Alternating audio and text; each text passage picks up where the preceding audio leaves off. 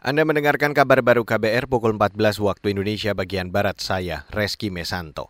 Saudara Presiden Joko Widodo menyebut pemerintah pusat dan daerah terus bergerak mengendalikan inflasi. Salah satunya, kata Jokowi, dengan mensubsidi biaya transportasi untuk komoditas yang mengalami peningkatan harga.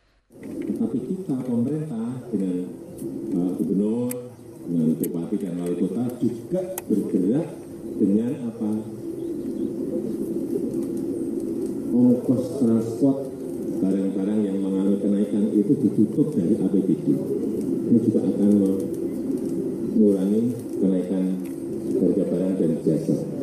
Presiden Jokowi menambahkan pemerintah daerah juga diberikan keleluasaan mensubsidi biaya transportasi barang lewat anggaran belanja tak terduga dan dana transfer umum sebesar 2 persen. Dengan kebijakan itu, kata Jokowi, harga barang di pasar menjadi stabil. Beralih ke berita selanjutnya, Saudara, penyaluran bantuan subsidi upah atau BSU tahap 6 telah mencapai 71 persen lebih atau sekitar 5,5 triliun rupiah. Masing-masing penerima BSU ini mendapat 600 ribu rupiah.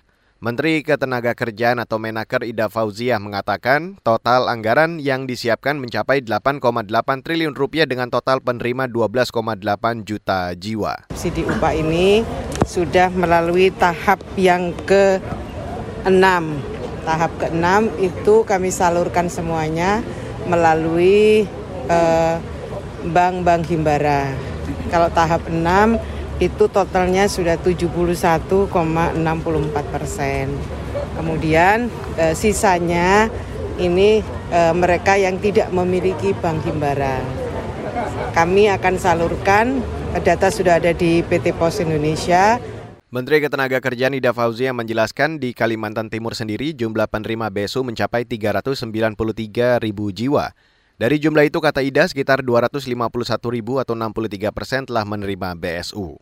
Saudara ekspor Rusia melonjak 25 persen secara tahunan atau year on year mencapai 341 miliar dolar Amerika atau sekitar 5,3 triliun rupiah sepanjang Januari hingga September tahun ini. Sementara impor Rusia disebut anjlok 15 persen menjadi 180 miliar dolar atau sekira 2,8 triliun rupiah selama periode itu. Dengan begitu, kata pejabat Bea Cukai Rusia Ruslan Daidov, neraca perdagangan Rusia surplus sebesar 251 miliar dolar atau sekitar 3,9 triliun rupiah. Surplus itu hampir dua kali lipat dari total perdagangan sejak Januari hingga September. Saat ini omset perdagangan luar negeri Rusia tercatat sebesar 611 miliar dolar Amerika atau sekitar 9,5 triliun lebih. Dan saudara, demikian kabar baru saya Reski Mesanto.